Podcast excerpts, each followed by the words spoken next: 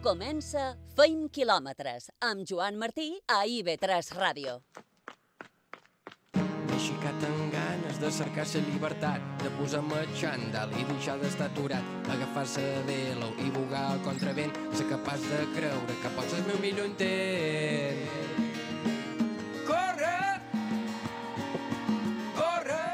Feim ràdio i feim quilòmetres. Dilluns, 2 de novembre, programa 206.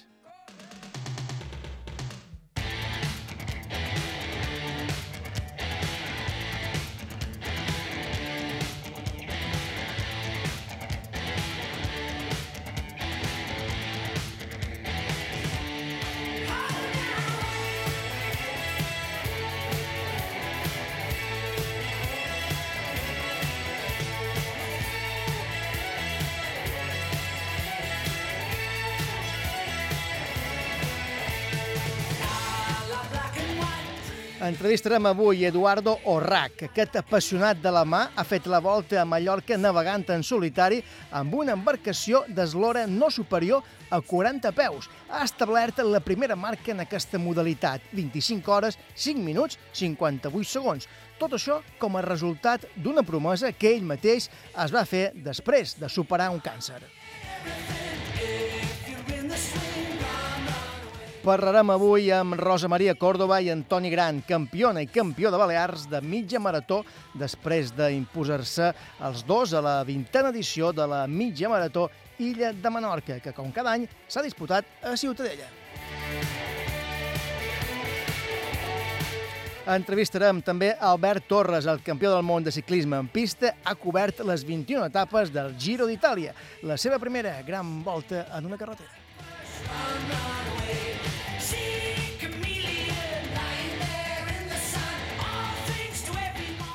Us presentam avui 10 raons, 10 motius irrefutables que valen el fet de sortir a córrer com a exercici físic i gairebé també com un hàbit terapèutic pel benestar físic i emocional. Serà de la mà de Lucía Barca, fisioterapeuta, infermera esportiva i coach nutricional de Menorca Trainers.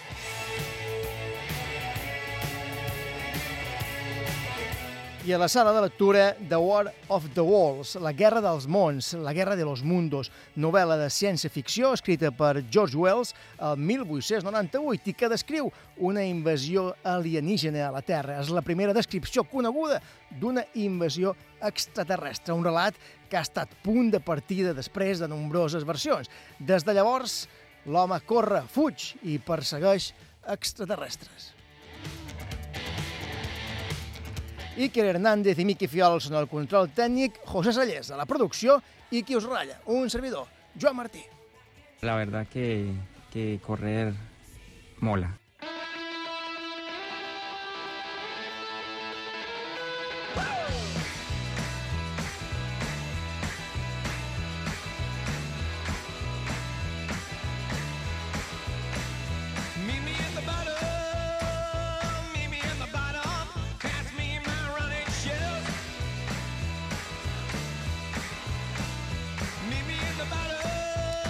Ho avançàvem ara en sumaris, eh, Rosa Maria Córdoba i Antoni Gran s'han proclamat campiona i campió de Balears de mitja marató, després de guanyar la vintena edició ja de la marató Illa, de la mitja marató Illa de Menorca, disputada aquest diumenge a Ciutadella.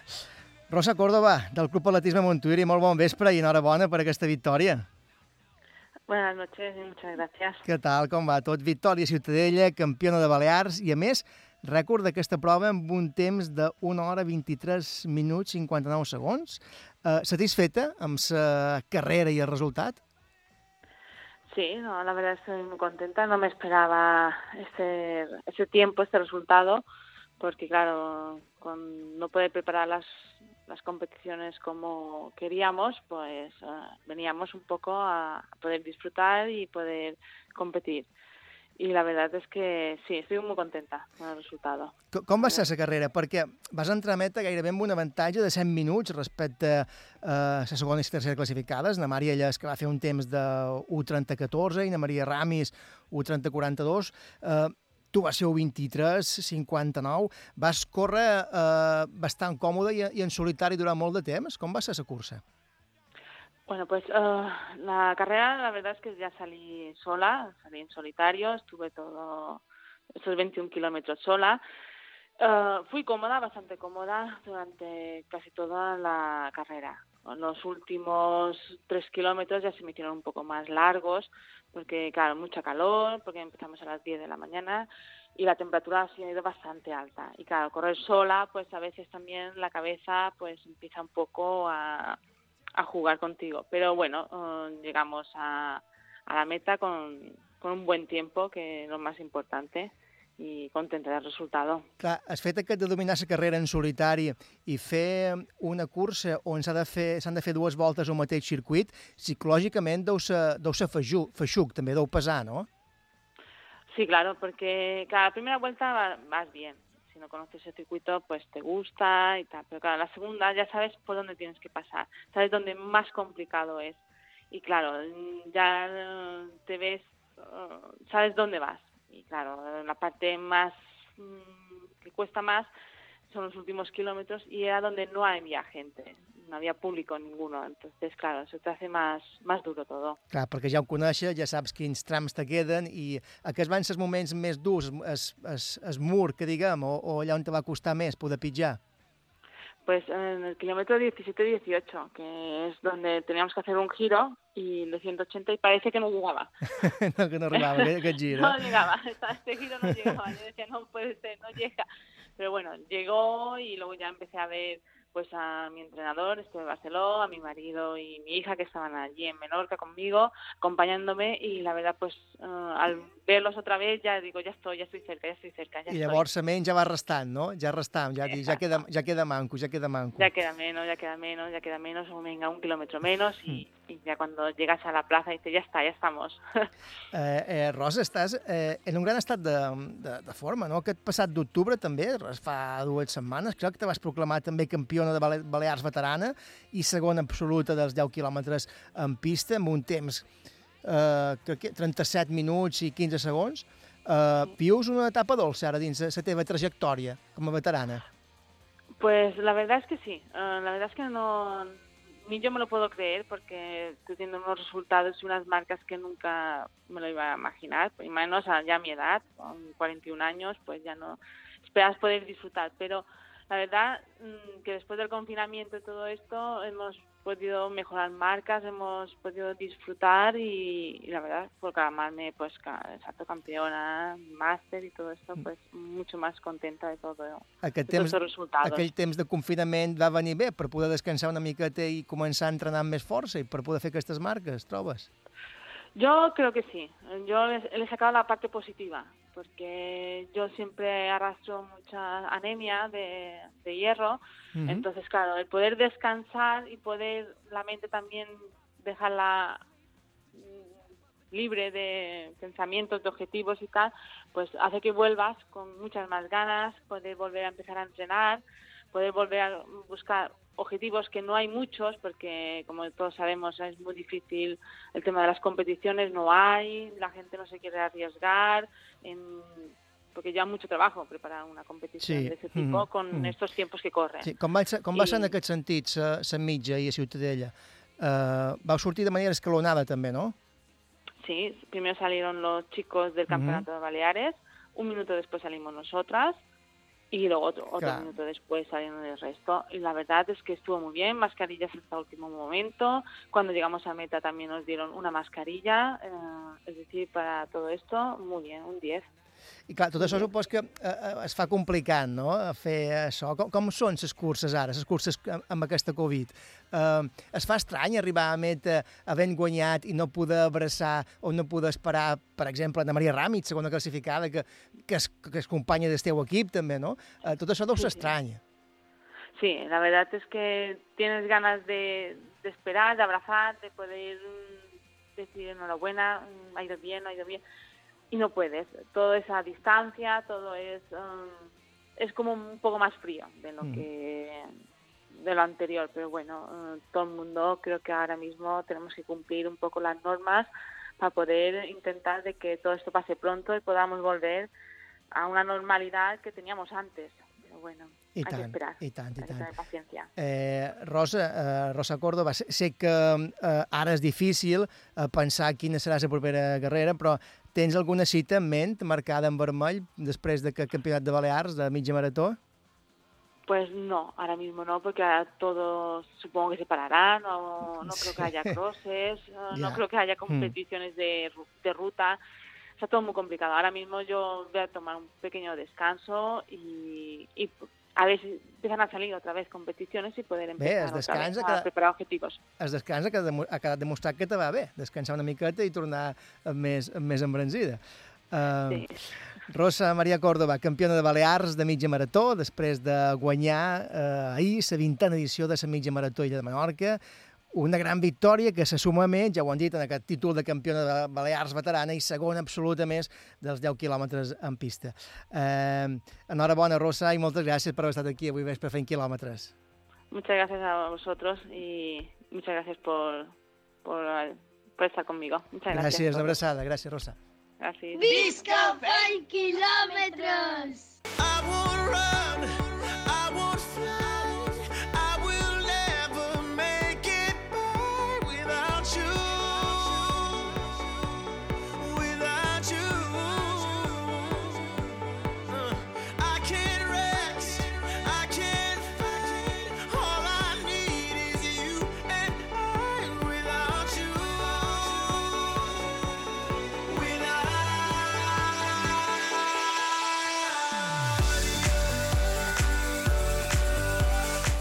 l'altre gran vencedor d'aquest cap de setmana, d'aquest campionat de Balears de mitja marató disputat a Ciutadella, ha estat Antoni Gran. Enhorabona, Toni, també, bon vespre i benvingut a Fent Quilòmetres. Bon vespre, moltes gràcies. Primer classificat, amb un temps, en el teu cas, d'una hora 10 minuts i 6 segons. Com va ser la teva cursa, en el teu cas, més disputada, no? Sí, bueno, va, ser més, va ser més entretinguda. Hi havia molt de nivell, van sortir un, un bon grup, el que passa que tot d'una molt van quedar quatre persones, en Jonathan Sanabri, en Xavi Gornaldi en, i en Tòfol Castanyer, i vam anar fent fins més o menys a tres, fins al quilòmetre 7, anàvem un grup de, de quatre, i després ja me vaig separar amb en Xavi Gornals, que vam anar, vam anar una bona estona, una bona estona junts fins al quilòmetre 14 o una cosa així. Escolta, i d'aquests 21 quilòmetres dins Ciutadella, quin, quin és el tram més dur? Per, per anar a Rosa ens comentava que era fins a arribar al quilòmetre 17, no? que hi havia com un gir que després ja uh Mhm. -huh. podies enfilar cap a la recta final, que diguem, no? encara quedaven 3 quilòmetres, però, Sí, sí, sí, però eh, fer dues voltes a un mateix circuit, en el teu cas, psicològicament, eh, te va desgastar? No, no, no, psicològicament no m'ha desgastat, perquè anava bastant bé, el que passa que sí que m'ha desgastat molt era del quilòmetre 2 en el 4 i del 12 en el 14, que entraven per una zona empedrada de, de Ciutadella, Exacte. i, però en pedra realment que era molt inestable córrer per allà. Mhm. I havien de baixar molt el ritme, hi havia molt de girs de, de més de 90 graus, de 180 graus, te rompia ritme, havies de tornar a arrencar fort i, i vulguis o no, això després quan te posaves a córrer en línia recta pues, notaves un poc més aquest cansanci. I quan podies córrer en línia recta i, i bé, encara que fos ondulat, com diu una rosa, fins en el quilòmetre de set, que gires ja per segona vegada en el mateix punt, bueno, mira, encara era, era lo de menys perquè podies córrer, podies córrer bé si no t'havies passat els quilòmetres anteriors. Aquestes returades que obliga es, es traçat són allò que dificulta i a la vegada fa atractiva també aquesta mitja de Ciutadella, no? Sí, no, entretinguda va ser, perquè de luego han passat dues vegades per, eh, per allà mateix, podies jugar amb els canvis de ritme, des de no era una mitja per anar tot el temps, me va sortir a 3 de 9 o a 3.20 de mitja, i no vam anar en cap moment tot el temps a 3.20, 3.20, 3.20, no. Quan se podia córrer se feia un poc més de via i en els tramos que no, no se podia córrer tant, pues, havies de, havies de fluixar perquè era molt complicat córrer per, a, per allà de dins fort. Vas arribar a la línia de meta 22 segons abans que en Francesc Xavier Gornals. Eh, Mhm. Els darrers quilòmetres t'esperaves un final tan ajustat? Més? Manco ajustat?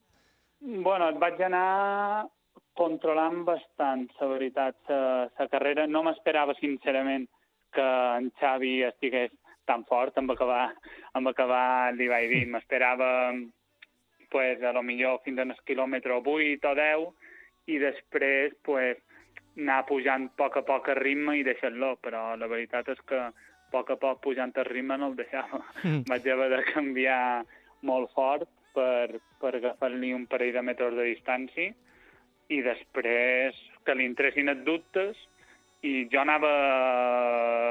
no anava just, però tampoc tenia gaire més i vaig dir, bé, mira, d'aquí intentem arribar en el final i mira, vaig tenir sort de que no va venir darrere, de que va dubtar un parell de segons i, i molt bé, vaig poder guanyar. Clar, és Molt que, content. Antoni, vista aquesta llista d'aspirants a la mitja marató illa de eh, Menorca, déu-n'hi-do quin nivell que hi havia. Tòfol Sí, sí, Castanyer, jo estava bastant nerviós. Tòfol Castanyer, Jonathan Sanabria, Joan Florit, Joan Florit, Pedro Olmo, Tolo Fiol, uh, aquí els millors noms que Clar, la meitat haver. d'aquests són amics meus, però Clar, clar, eh, entrenant junts, però sempre me deien, eh, bé, veuràs, estic molt fort, i clar, jo fa dos mesos que he tornat a començar la temporada, anem, estic fort, el que passa que és un fort diferent, no estic basat a anar a ritmes molt ràpids, però bé, jo sabia que damunt 3.20, 3.25 podria anar més o manco bé, però clar, jo sabia que en Jonathan Sanabria venia de fer dos 5.000 molt bons, que en Tòfol Castanyer és en Tòfol Castanyer. Clar, clar, que se sent, que, que sent un, un, un corredor quan guanya en Tòfol Castanyer.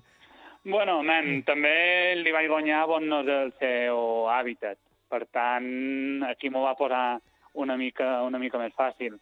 Però, bueno, sí, però, content, eh, Toni, Toni. Gran, el Barça és el Barça sempre, eh? dins un camp petit, dins un camp gran. Ja, però si el Barça juga a futbito, lo millor sí que aquí li ten, canvien. aquí ten raó, aquí ten I raó. en Tolo, ai, en Tolo, Tòfol. en Tòfol, eh, eh, a carretera se defensa superbé, perquè de fet té una marató que ja m'agradaria jo. I...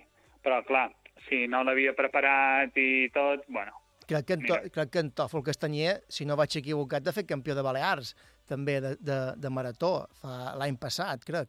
I en, Tolo, i en Tolofiol no t'ho dic. sí, eh, l'any l'any que- passat o l'altre, crec sí, que va quedar campió d'Espanya, màster o una cosa així. I en Tolofiol no t'ho dic, que venia de córrer els 200 i pico de quilòmetres fa un any a, allà a Esparta. Aquell és un- Que aquest és un són, animal. Són, són, que en deia abans, extraterrestres. Escolta, l'any passat vas guanyar Sallego, deies Ai. que per un pobler guanyar Sallego és, la millor, és eh, el millor que li pot passar. Fer campió Sí. de Balears de mitja marató tampoc està malament, No, no, gent. per un la pobler. veritat. Eh? No, no, però no és el mateix. T'havies Si me preparat donen bé. a triar, jo m'estic més guanyar Sallego que guanyar el campionat de Sí, Balears. sempre, de- sempre, sempre, sempre, sempre és, és més especial.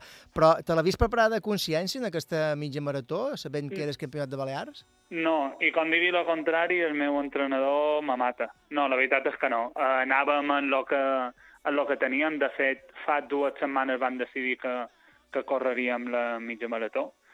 I me va dir, bueno, tu correràs amb, amb els entrenos que dus. No pens modificar ni un entreno. Vols córrer? Cor, però en lo que dus damunt. I me va dir, bé, me va dir no, ho va clavar. En Mateu Canyelles, amb això sí que Mm. ho clava, ho clava sempre i m'ha dit, en condicions normals, una mitja marató, ara estàs per córrer 3.15, 3.18, clar, Menorca no és normal perquè un pot de vent te feia els 4 quilòmetres que te posaven per de dins els carrers i tot, bueno, estimat, doncs pues mira, 3.20. I què t'ha dit en Mateu Canyelles després, quan t'ha vist que havies fet campió? I, i, i amb aquesta marca. Perquè estava, estava bastant nerviós els dies abans i me diu que ja estàs tranquil, has vist? Vinga, au, poden seguir entrenant? Vinga, anem a seguir entrenant. Escolta, i ara t'entrenes per una altra cosa eh, puntual o... Pa, pa, o Anem amb el- aquesta situació que hi ha És complicat, avui clar, en dia...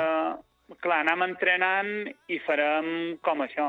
Uh, hosti, d'aquí dues setmanes hi ha tal carrera. De fet, l'altre dia m'ha dit que a final de novembre hi ha un 10 quilòmetres a Alcobendas, Uh -huh. que supos que seran molt ràpids perquè en Fernando Carro vol intentar fer rècord d'Espanya de 10 quilòmetres en ruta.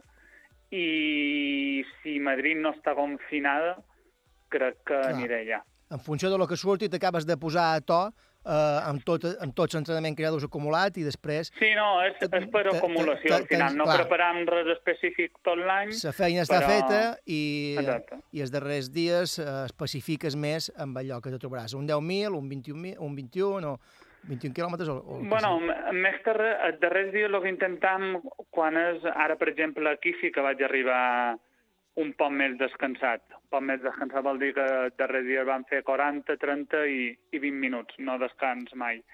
I, però ja t'he dit, no vam fer cap tirada de 24 o 20 mm, dels quilòmetres que fossin a ritme de mitja marató, cercant aquelles sensacions o fer un entreno més, més específic. Nosaltres tenim la nostra, el nostre planning de tots anys, ens ho va passant en Mateu, molt bé, i anem fent, i anem pujant la forma de manera eh, paulatina durant tota la temporada. I de moment, de que- moment surt bé, perquè també has viscut un confinament i una sortida de confinament que déu nhi eh? eh Ah, sí. has, has deixat, no has deixat de fer bons resultats des del confinament aquell. Sí, bueno, tenc sort de no... No sóc una persona que, que se lesiona tocant fusta i sí que van sortint molèsties, ara tinc un pot de fascitis, quan no tens un pot de mal de genoll, quan no tens... Sempre tens coses però que te deixen seguir entrenant sense... No són lesions, són les molèsties No, sí, pròpies són i, norm, i, molèsties. nor, i normals de d'escorredor. Que i- potser molta gent, segons quan no correria, perquè a vegades sí que és vera que corrents-tos eh, la fascitis no me la not res, però, hòstia, quan m'aixec de Però dormir. en fred sí, eh? Oh, sí, i tant. sí, sí. Molt bé, moltes gràcies, Antoni, Antoni Gran, eh, campió d'aquesta d'aquest campionat de Balears, d'aquesta mitja marató que es va disputar ahir a Ciutadella, mitja marató i de Menorca. I res, moltes gràcies també per haver estat aquí a, a Feint Quilòmetres, Antoni. Una abraçada. Adéu, fins a propera. I've got another confession to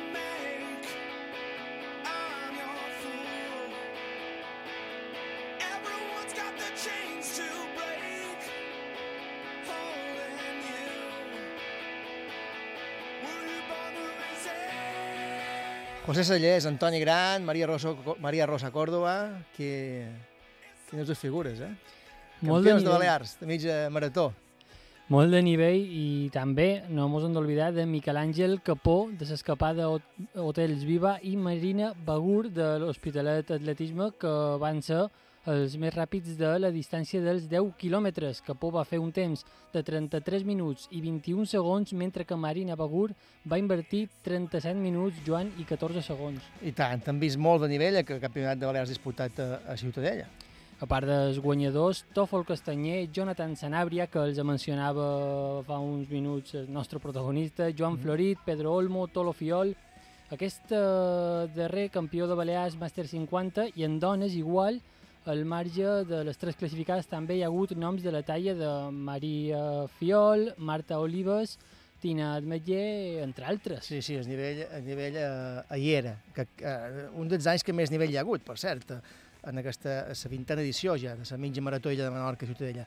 Uh, més enllà d'aquestes fronteres, uh, cap de setmana d'alegries també en el Campionat d'Espanya femení d'atletisme sub-20. Sí, perquè la mallorquina Daniela García s'ha penjat eh, so en el Playas de Castellón, el seu equip, a la prova dels 800 metres amb un temps de, de 2.14.62 i també els relleus, on va firmar juntament amb les seves companyes un temps de 4 minuts eh, 0020. Mm -hmm. I, per cert, eh, quant a les dues rodes, Antoni Pasqual i Clara Blanco s'han fet eh, amb la Bimon Race BTT a Manacor. Sí, Antonio Pascual, va- o Antoni Pascual, millor dit, va dominar des del començament per fer-se amb la victòria seguit de David Montaner. Per la seva part, la cadet eh, Clara Blanco es va imposar a la segona classificada, Antònia Fortesa.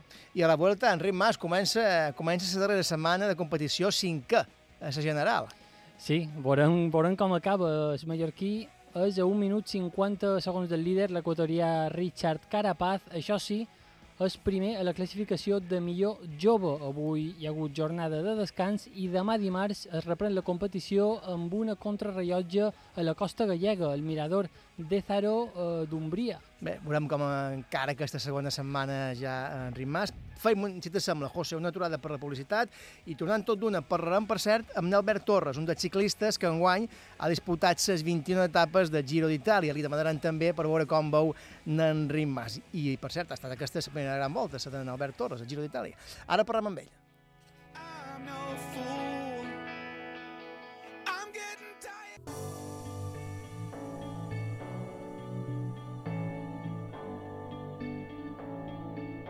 El xip de la setmana. The legends and the myths, Achilles and his gold, Achilles and his gifts, Spider-Man's control, and Batman with his fist. And clearly I don't see myself upon that list. But she said, Where'd you wanna go? How much you wanna risk? I'm not looking for somebody with some superhuman gifts, some superhero, some fairy tale bliss. Just something I can turn to, somebody I can kiss. I want something just like this. Fa just 8 dies, eh, diumenge 25 d'octubre, diumenge passat, va acabar el Giro d'Itàlia, amb arribada a Milà. Albert Torres és un dels ciclistes que enguany ha disputat aquestes 21 etapes de la volta italiana. A més, ha estat també la seva estrena en una gran volta. Albert, Albert Torres, bon vespre i benvingut a Fent Quilòmetres. Hola, bon vespre. Com, com estàs? Bien, bien, bé, bé. Eh, recuperant forces. Sí, és la veritat que aquesta, aquesta darrera setmana després de Giro ha estat una, uns dies de, de recuperar, de recuperar forces que, que han estat tres setmanes ben intenses. Escolta, ja ha passat una setmana, com dèiem, des que va acabar Giro, i amb el cap un poc més fred, ara, Albert, quin balanç fas d'aquesta primera participació a una gran volta, o el Giro, en aquest cas? Uh, bueno, jo crec que el balanç és superpositiu perquè al final anava en sa, en sa meta de prendre el més ràpid possible el que és ofici en aquest món de ciclisme, que al final, uh, bueno, estem xerrant d'un Giro d'Itàlia que era una experiència uh, nova per jo i, i el principal és que tot el que se'm demanés per, per part de l'equip ho pogués complir i al final jo crec que uh, a poc a poc pues, anava agafant nota de, de lo que tenia que fer i la veritat que eh, per sort tenia grans directors que també han estat ciclistes i tenen molt bona experiència i tot ha estat su- super més fàcil. A nivell personal vas acabar la cursa 106, si no vaig equivocat, a la classificació general.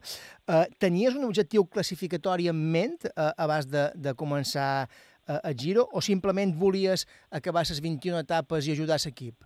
Quin era el teu No, paper abans de començar? Sí, no, és, eh, abans de començar l'equip ja m'ho va dir que eh, el paper fundamental era intentar eh, aportar el màxim a l'equip i sobretot en els líders, les etapes més planes, on, bueno, físicament pues, eh, és un poc el meu, el meu fort. Està clar que els dies de muntanya no, ja ho deixàvem per, per escaladors, els Mm. companys que eren més escaladors, però, però sobretot està a les etapes planes protegint un poc eh, en els líders, sobretot col·locant en bones posicions per dies de, dels sprints perquè no, no perdin temps durant, durant una etapa un poc més nerviosa com va ser, no sé si record, l'etapa 7 o l'etapa 8, que va ser una de les etapes més ràpides de, de la història del Giro, i era un poc la meua, la meua feina. O sigui, una, una vegada feta la feina, eh, per part de l'equip, sobretot dels directors, insistien moltíssim en, en que guardàs força i això volia dir que, que estar a la grupeta i si tenia que perdre mitja hora, 40 minuts, eh, ho tenia que fer, perquè al final la darrera setmana se fa super llarga i crec que part de- d'haver acabat el més sense possible en aquest giro ha estat per, per la insistència de, del director de quan una vegada la feina està ja coberta, eh, administrar aquestes forces que potser la primera setmana vas un poc més sense és clau per, per, per ahorrar i, i gastar-les a, la darrera setmana. Albert, s'ha fet viral aquella imatge eh, en què, no sé exactament quina etapa és, en què, en què puges la costa en fent zig-zag, no? Eh, Sí. S'ha dit de tot, exactament. Eh, N'Albert Torres, que pretenia allà, quina era la intenció? Eh, pues mira, la veritat que sí, va fer, va fer un poc viral aquella, aquelles imatges. Que era una etapa de, de mitja muntanya, Mhm. eh, no teníem la meva, la meva feina era intentar, no sé si eren els 35 quilòmetres plans abans de començar la muntanya, pues, eh, fer un poc d'aproximació pels companys perquè se ficassin a dins, a dins l'escapada i mira, per circumstàncies, eh, el caró, vaig estar dins i una vegada dins pues, vam esperar el companyero de, de Netor Carretera que, que era un poc la eh, nostra, la nostra opció en aquella, en aquella etapa. I clar, eh, estem jugant una etapa de mitja muntanya on, on de repente trobes rampes del 20% era un poc una situació un poc eh, estranya i innovadora per allò, saps? I, i, i aquella escapada i en aquell ritme per lo més, eh, lo més lògic, lo més coherent era intentar pues, suavitzar un poc aquelles rampes per allò tan, tan dures i per això feia per això vaig fer el zigzag, no, no es porres de, de públic no era, ni... Exacte, no, no, no, era per decantar la gent, perquè no, poguessin passar no, altres no, corredors. Era, era una manera... Mira, mira que se n'han dit de coses, eh? Mira que se n'han dit de coses. Sí, sí, sí, uh, en realitat sí. era per, per ajudar-te a tu mateix a fer la pujada un poc, més, un, un poc més plàcida, si, si es pot dir d'aquesta sí, manera. Sí, sí, Sí, supos que tu també l'hauràs fet, és com si fessis el toro. Eh, no, exactament, exactament. O la costa de Sant Pere de Ferreries, eh? Que has de fer... Exacte, exacte. Que has d'anar davant de banda. Però, però bastant dur. I, no, I tant, i tant. Però la van pujar, la van pujar. Uh, I i s'ha fet viral. Escolta, Albert, t'han ajudat o t'han donat molt de consells companys d'equip com, com en Sergio Samitier, o d'Antonio Pedrero, en Eduardo Sepúlveda, que, que també sí. participaven al Giró, que, que, com ha estat? Sí, no, la, veritat que sí, la veritat que sí. Jo quan vaig començar el Giro els vaig dir que, que, que al final és el meu primer any en, a l'equip en, en el World Tour i, i també en aquest cas era la meva primera gran volta i es deia personalment dic, qualsevol cosa, en què vosaltres millor és algo insignificant o, o normal, si ho fes bé m'ho dius i si ho fes malament també m'ho dius que al final aquí estem per, per aprendre i, i crec que la manera més, més ràpida d'aprendre és, és que te diguin les coses. I, i a part de dir tot, com he dit abans, eh, crec que és l'experiència d'en Dario Cataldo, que és corredor italià, que ha corregut eh, moltes grans voltes i tenir un company així pues, te dona una, una seguretat a, a l'hora de, d'estar més pilot immensa, immensa. És necessària, és necessària I, i sobretot per gent, per gent inexperta. Clar, ara pensava, quina va ser l'etapa que te vaig sentir millor a nivell, per, a nivell personal i quina va ser la que vas dir, ostres, això de fer una gran volta de carretera no s'acaba mai? Uh, pues mira, la veritat que l'etapa de nou, el dia, el dia que se va cancel·lar a meitat de l'etapa, que vaig poder estar escapada, pues, ja no, no estic pensant en el resultat final, sinó era un pot, després de meta pensava ostres, eh, estic ja a la recta final d'aquest giro, he pogut estar un escapat després d'haver pujat eh, una quantitat immensa de muntanyes, de després d'haver fet etapes realment dures com, com s'Estelvio, però jo crec que el dia, crec que el dia que és més difícil que m'ha fer va ser la penúltima etapa, la penúltima etapa. Uh, era, diguéssim, la darrera etapa de muntanya on se, se decidia si general eh, i des del principi se va començar ja super, super ràpid i, i és cert que, que, que tothom ja estigui gastant tot el que tenia i realment va ser ja 20, etapa, 20 etapes sí. escames ja no sé quants de quilòmetres, home, s'ha de, de notar. Uh... Sí, totalment, totalment diferent del que estic acostumat. Fins a... Uh, el mes que ve farà ja un any de la teva participació, o de la teva incorporació a Movistar, crec. Uh, sí. Quin balanç fas d'aquest any amb el nou equip i havent provat coses noves?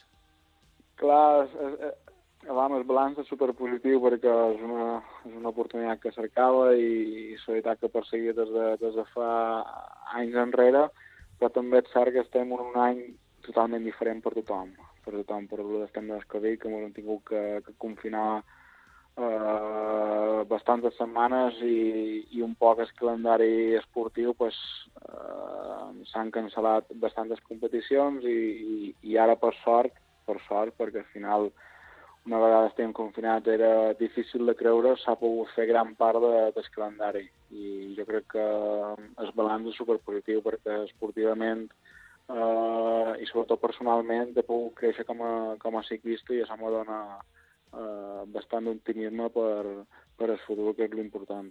Mm. Sí, perquè sempre, sempre t'havíem vist, o clar, estem acostumats a, a veure-te dins un velòdrom, no?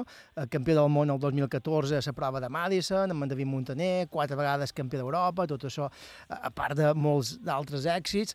Um, aquest és l'inici d'una transició sense retorn o Albert Torres vol tornar, eh, es vol centrar en el ciclisme en pista, encara?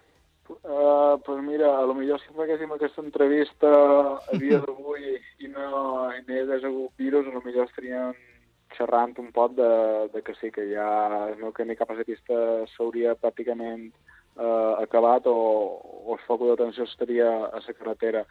Però està clar que, que aquest 2020 teníem els Jocs, els Jocs de Tòquio mm -hmm. en ment, era un objectiu super, super clar i mira, uh, jo crec que a dia d'avui, després de passats uns mesos, han tingut molta sort, sobretot els esportistes, de, de que se vagi retrasat un any, perquè crec que era una situació bastant complicada que vivíem en aquell moment eh, els esportistes d'estar, de, saps, amb aquesta incertesa de, de si se podien celebrar o no, o, o preparar en les màximes garanties.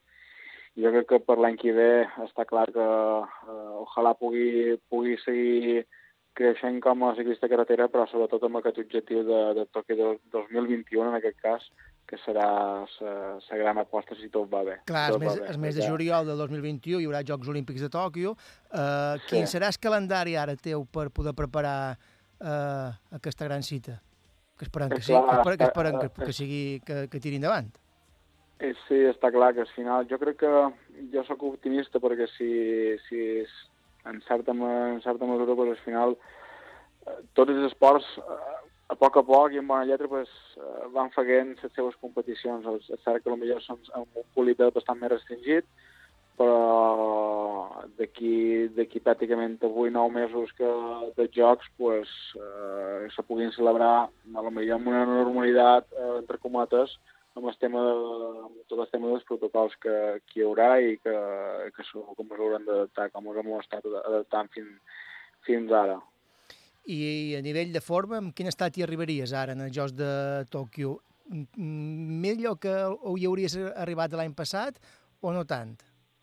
Sí, jo crec que millor. Jo crec que millor, perquè hi ha que recordar que, que el desembre de l'any passat vaig tenir una caiguda bastant mm -hmm. difícil. Uh, vaig estar pràcticament un mes uh, intentant recuperar fins pujar una altra vegada a la bicicleta i, i jo crec que el mes de gener i el mes de febrer com que anava en contrarrellotge per recuperar-lo antes possible per poder arribar en aquesta cita el millor possible i, i que se vagi retrasat un any te dona aquesta tranquil·litat de, de, que saps, de que físicament pot arribar en perfectes condicions, que això sempre és important. Mm.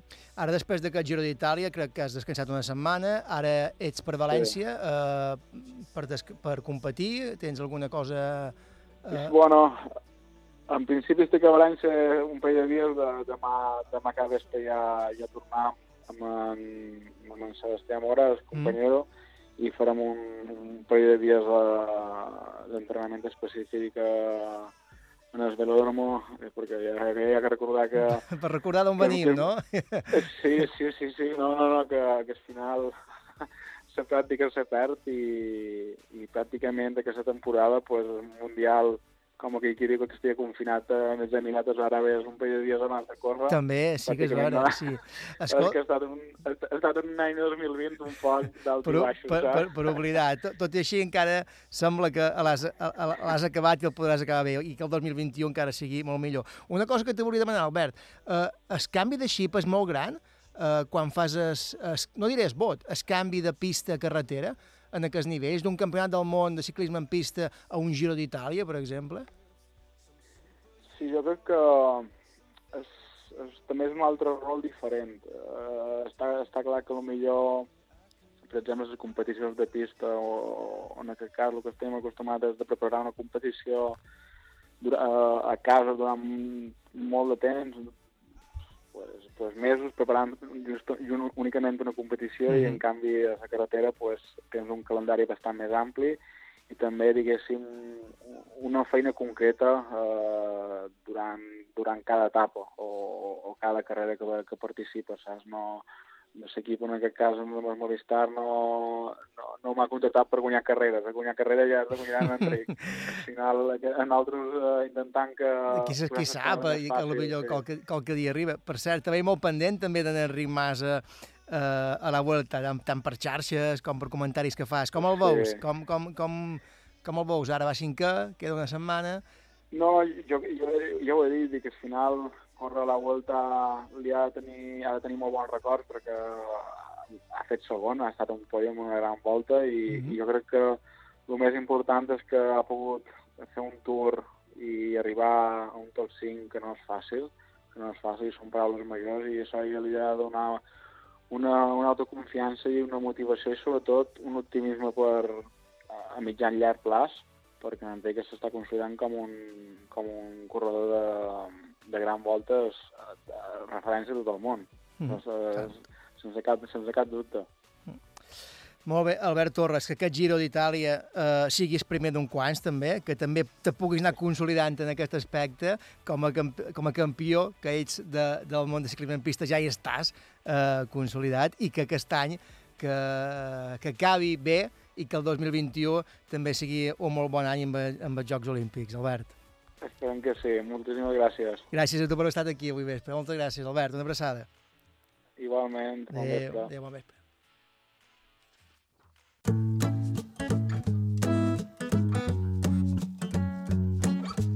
L'avituallament.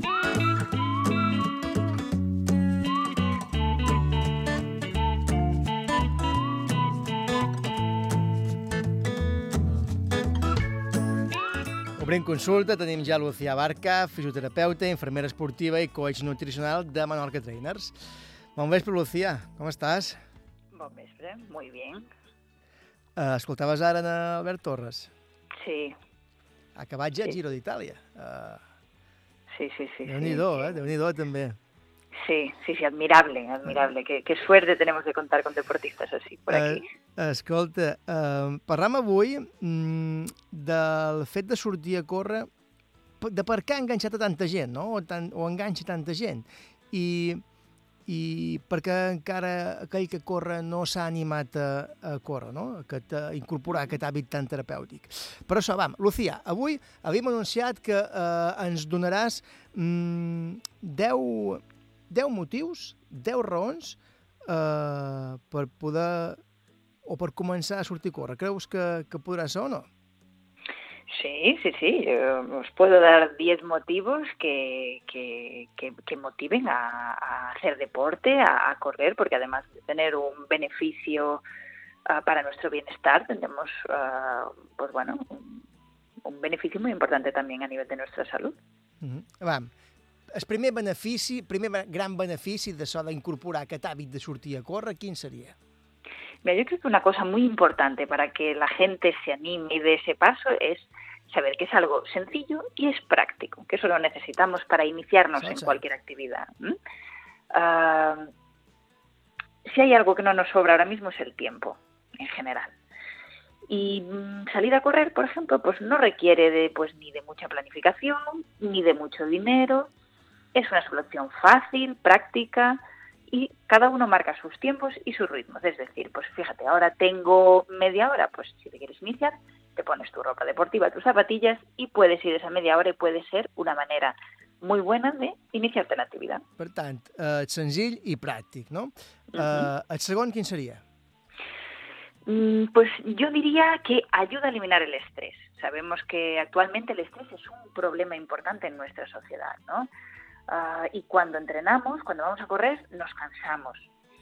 Liberamos tensión acumulada, mm, despejamos la mente, generamos endorfinas, que esto es, es muy importante, y esto nos despeja y liberamos esa tensión que generamos en nuestro día a día y esto nos va a ayudar a sentirnos muchísimo mejor. Mm, és senzill, és pràctic, ajuda a eliminar estrès. Tercer motiu? Pues mm, bastante relacionado con esto del estrés, mmm, yo diría que reduce la tendencia depresiva. Uh, esto es algo que se conoce y se practica, fíjate, desde la antigua Grecia, pero perdió fuerza en el siglo XX con la aparición de potentes medicamentos que prometían combatir mágicamente estos males, ¿no? Por suerte, otra vez estamos entendiendo que nada más natural y sano que el ejercicio para ayudarnos con nuestros problemas emocionales y de hecho se denomina psicoterapia a través del movimiento, ¿no? Y lo sustenta una importante base científica.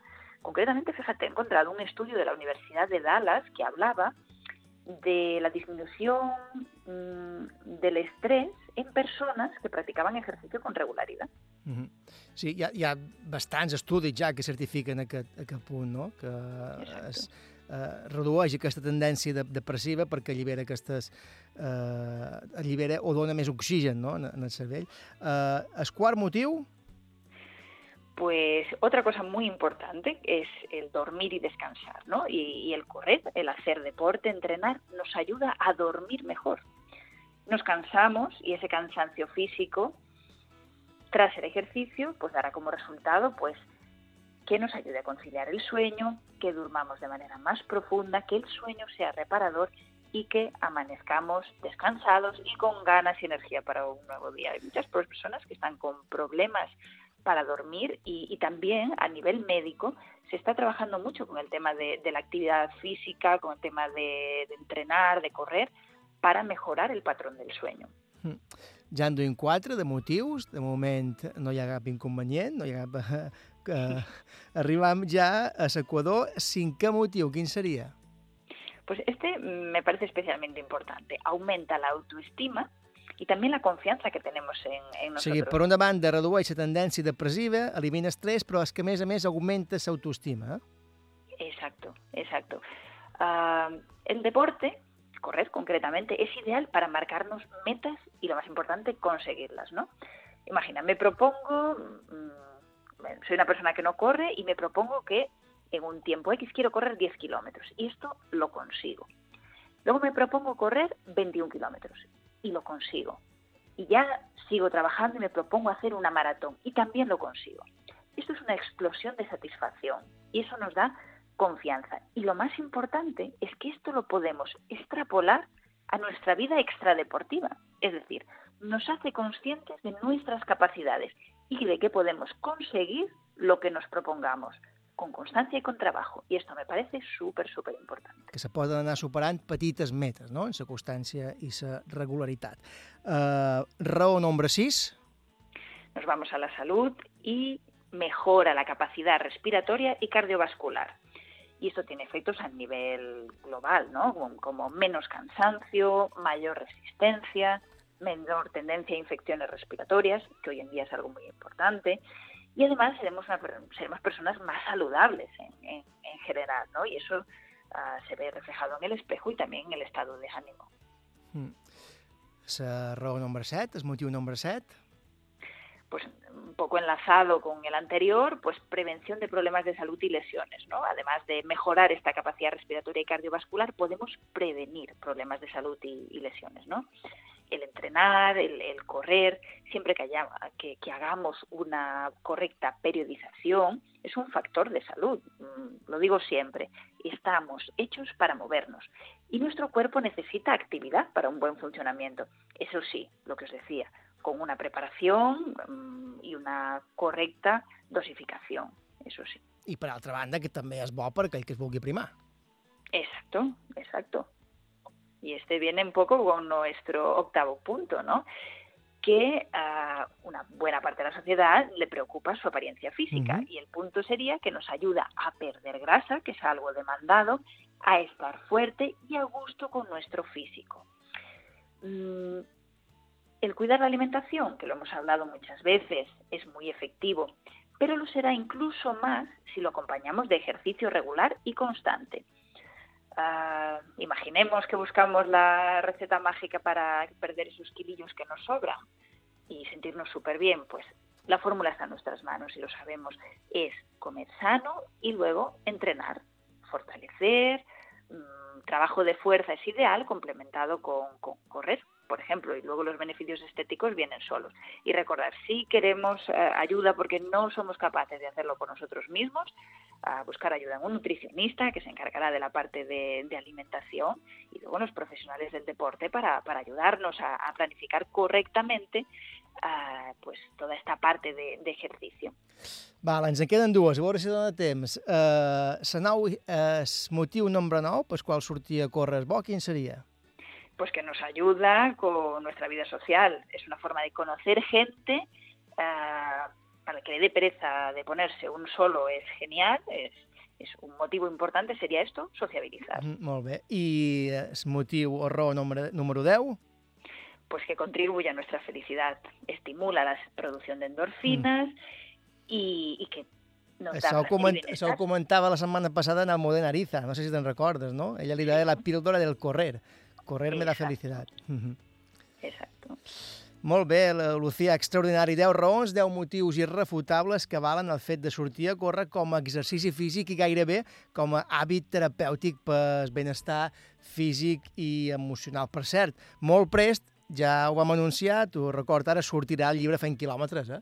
Converses per sortir a córrer, un recull de moltes hores de ràdio que hem compartit aquí, eh, Fent quilòmetres, un llibre que molt prest sortirà sortirà a llum, allà on veurem el cinema, la música, la literatura, on són els, que són els eixos sobre els quals giren aquestes converses nostres. No?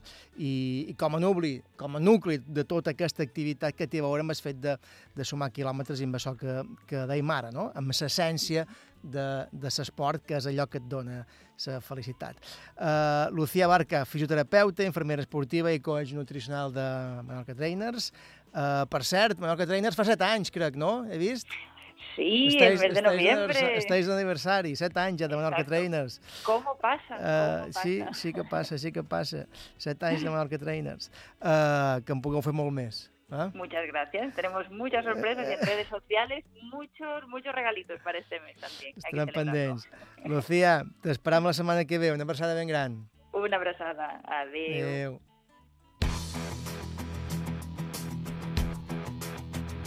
It's been years since they told her about it.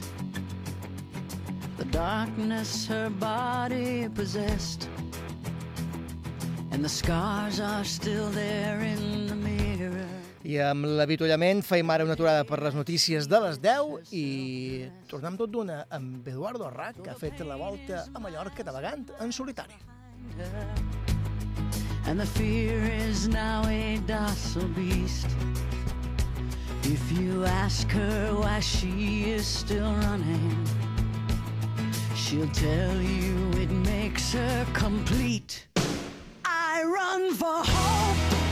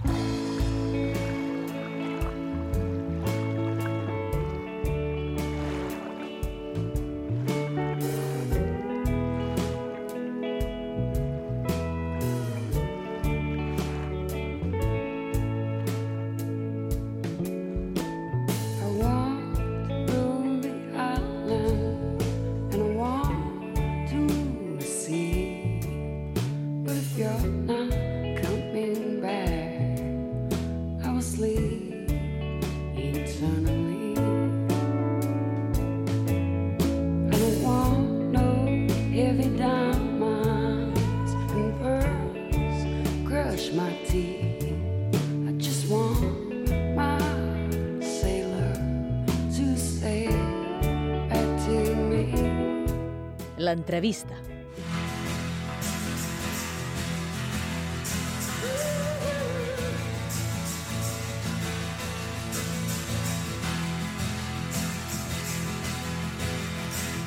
El següent protagonista és un apassionat de la mà i, sobretot, un gran amant de la navegació. Ha navegat en tot tipus d'embarcació i per diferents oceans. És a la mà oberta on ell realment troba la llibertat i se sent feliç de fer allò que més li agrada. Una greu malaltia el va obligar eh, a aparcar, però, aquesta passió. Una passió que va ser aquesta mateixa el que li va donar forces després per sortir endavant. El seu repte de fer la volta de Mallorca navegant mm, en solitari es va convertir després en un dels grans al·licients de la seva vida. Once you Eduardo Rack ha superat ara la malaltia i també ha superat el seu repte, la seva promesa.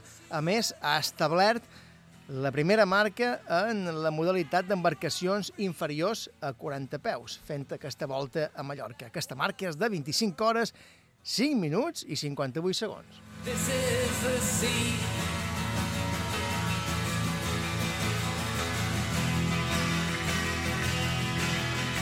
Eduardo, Eduardo Rack, bon vespre, eh, enhorabona per aquesta volta a Mallorca navegant en solitari. Benvingut eh, a Fent Quilòmetres. Bon vespre, moltes gràcies. Eh, vas embarcar diumenge 25 d'octubre a les 8 del matí, a les 8 i 4, per ser més exactes, eh, i vas atracar a port després el dia següent, dilluns 26 d'octubre, a les 9 i 10 del matí. Com van ser aquestes 25 hores, 5 minuts, 58 segons en solitari enmig de la mà? Cada segon compta. Eh? I tant, i tant. Uh, bueno, unes condicions bastant variables com, com s'ha d'esperar de- d'aquest tipus en concret de, de navegació, que, que al final, com que envoltar, rodejar una illa, pues, evidentment te trobes en tota classe de condicions, en tot eh, tipus de, de direcció de, de vent, eh, això afegint eh, l'orografia pròpia de, de Silla, que també fa que aquests vents canvin, que, que les previsions meteorològiques moltes vegades no se puguin complir 100% i, i en fi, no ha, no ha temps d'avorrir-se, no? Quina ruta vas, vas triar per, per sortir? Uh, vaig sortir de Palma i quan surts de Palma agafes... Ja, quina, quina di- direcció prens ja? En funció del vent o ja la tenies mm, pensada? Bueno, uh, en aquest cas, pues, bueno, això forma part de, de, de diguéssim, d'un repte que creat per el Club Nàutic de, de Palma, el qual pues, hi ha tota un, una, una reglamentació, no ho poden fer uh, quan volem i de la manera que volem, ben que dic, hi ha tot un protocol, uh, s'ha d'avisar uh, de, de repte, s'ha d'acceptar, després sis dies antes has de triar el dia, uh, mirant partes constantment per Mhm. intentar que aquest dia sigui el més apropiat possible, tampoc no, no vol ni, ni, ni, ni falta de vent ni tampoc un excés de, de mal temps, no? Després, quan falten tres dies, encara ho, t'ho deixen ajustar 12 hores en van, dos hores enrere, ben que dic que hi ha tot un reglament amb això, no? I ja quan falten dos dies ja has de decidir una hora en concret i, evidentment, amb el sentit que, que ho vol fer, que, que, que fins que el vas- moment és lliure. Que vas partir cap a... Vas fer la ruta de Llevant, es diu, no? Vas partir cap a la zona de Formentor. Sí, sí, van començar, bueno, sí, començant, diguéssim, sortint de Palma, pues rumbo cap a, diguéssim, que, que això a Mallorca, des del punt de vista de la mà, podrien dividir no, com en quatre caps, no? els caps Salines, enfront, enfront de Cabrera, eh, cap al, eh, seguint la costa de Llevant cap, a, cap al nord tenim, tindríem eh, Cap de Pere, i d'allà tindríem la costa més nord eh, fins a, a Formentor, i després de Formentor davallaríem fins, fins Dragonera, que s'ha de decidir si, si se passa per de dins o per de fora, que això van tenir dubtes fins al darrer moment, i arribar al mateix punt. I aquesta volta íntegra a Silla de Mallorca són unes 170 milles, no? Sí, sí, Uh, aproximadament. traduït a... Teòriques. Deuen ser 270 i pico de quilòmetres, més o manco, sí, no? Sí, sí, tu ho entenguis. Uh, amb, una, amb una embarcació d'uns 33 peus, Sí, sí. que perquè mos entenguem són uns 9 metres o uns 10 metres. Sí, sí, 10 metres i algo, amb algo. Sí, Clar, faig la volta íntegra a Silla de Mallorca, amb aquesta embarcació, amb aquesta distància, 25 hores, això vol dir que en 25 hores estàs sempre en tensió.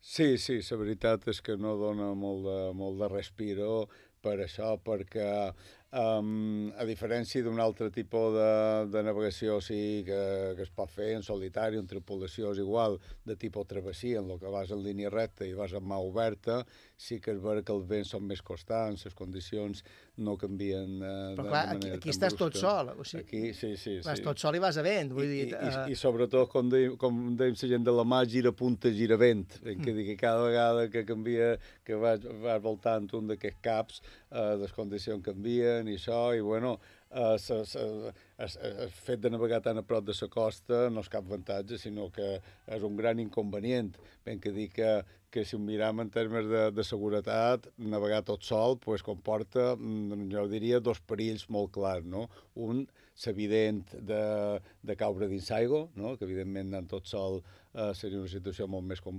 complicada mm -hmm. que, que en tripulació, i l'altre, no, no, no, a no descartar tampoc, és uh, precisament aquesta, aquesta, això de navegar tan a prop de la costa, pues això acabar damunt les roques, dormir-te, despistar-te, és una maniobra... aquest és l'esperit principal que hi ha, no? Sí, de poder acabar de, cap a, damunt I, els I penyals. dues igual de dolentes, perquè perquè, bueno, si vas con la barca contra les roques i això, pues també con conseqüències desastroses. Uh, vas passar pena en, Sí, en, en, durant eh, qualque moment de la travessia o hi va haver qualque moment uh, que vagi ser realment complicat? Bueno, eh, diguéssim que la primera part de la travessia, sent de dia i intentant aprofitar al màxim els vents favorables que vaig tenir per la costa de Llevant, vent en popa, però bueno, això obliga a muntar unes veles molt grans, no? de, que coneguin d'això de nàutica, pues, l'espinàquer, no? de, Mhm. la, la vela aquesta com a de balon, que són molt de metros. De fet, vaig tenir una avaria, aquesta vela eh, se, se va rompre la drissa, que és el cap que la manté, diguéssim, subjecta al màstil, se'n va anar dins aigua, i bueno, a treure de dins aigua amb un barco que, que mentre no s'atura, sigués el vent, zones que havien arribat a créixer bastant, i va de treure 100 i pico metres de quadrats de, de, de, de, de teixit de dins aigua, pues, bueno, va ser un bon, un, una bona pallissa que me'n vaig dur, uh, i, i bueno, que va provocar un poquet de, de, de retard. Um, diguéssim que això, com, com, com has dit tu, vaig sortir a les 8 de matí, vaig fer navegació diurna fins a arribar a Escat de Formentó, i a partir d'allà, pues, bueno, allà va agafar, ja va començar una mica el vespre, i allà pues, bueno, comença una altra complicació, que és començar a navegar en solvent de, de, de proa, afegint, eh, naturalment, pues, el, el fet de que hi havia una miqueta de lluna, això ho varen tenir en compte, eh, però bueno, que, que escat unes hores va, va, va desaparèixer, i bueno, eh, una, una complicació més, no? anar a les fosques. Clar, ses, sí, les condicions són les condicions, són les que, se- són les que te trobes, no? Uh, malament hagis fet una planificació i vagis mirant uh, les partes, uh, però quines són les condicions precises que s'han de donar per fer una travessia més agradable en fent la volta a Mallorca? Bueno, com, com, com, com t'he dit, en, en, aquest sentit no es té tot sol i sobretot en la preparació del barco, perquè això, això al final eh, és un, és un deport, eh, un repte hombre-màquina, no? Entonces la preparació de l'embarcació pues, pues, pues, du temps i això, i també el, el tema de prendre la decisió de, de, de, de, de, decidir, de decidir el moment més, més adequat per, per, per sortir, no? En aquest sentit, pues, vaig tenir molta, una gran ajuda de, bueno, d'agrair molt a Nacho Postigo, que és un altre navegant aquí, afincat aquí eh, a Mallorca, professional de fa molt d'any de, de la nàutica, amb, amb moltíssima experiència en tot tipus de, de barcos, hem coincidit amb, amb, amb, anteriorment amb, amb alguna embarcació i, i a més que un tio que, per exemple, ha cruzat l'Atlàntic Eh, tot però sol. me referia, hi ha, qualque, hi, ha, hi ha algun tipus de vent que faci impossible la navegació amb una, amb una, amb una travessia així, en la volta a Mallorca, per exemple, que diguis mm,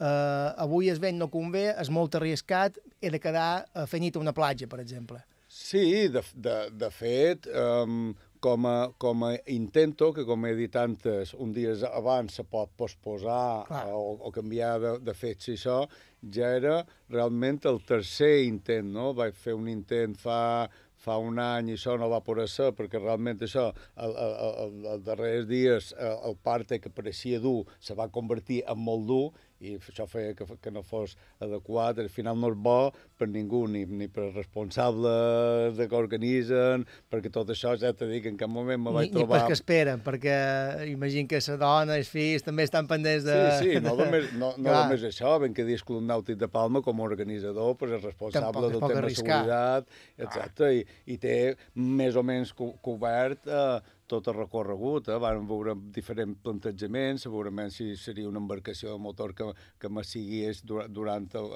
algun tramos, eh, has fet, en, en tot moment estic comunicat per ràdio, hi havia diversos punts de control i això, uh, a, a, a nivell seguretat, evidentment, comunicació, salvament marítim, tot això, que en tot moment jo anava mo mo monitoritzat, no? pues, muntant a través d'un GPS, una antena, en tot moment, de fet, el repte aquest se podria seguir diguéssim, per internet. A en tot streaming, moment on se sap on, sí, sí, sí, on sí, estàs sí, ubicat en tot sí. moment.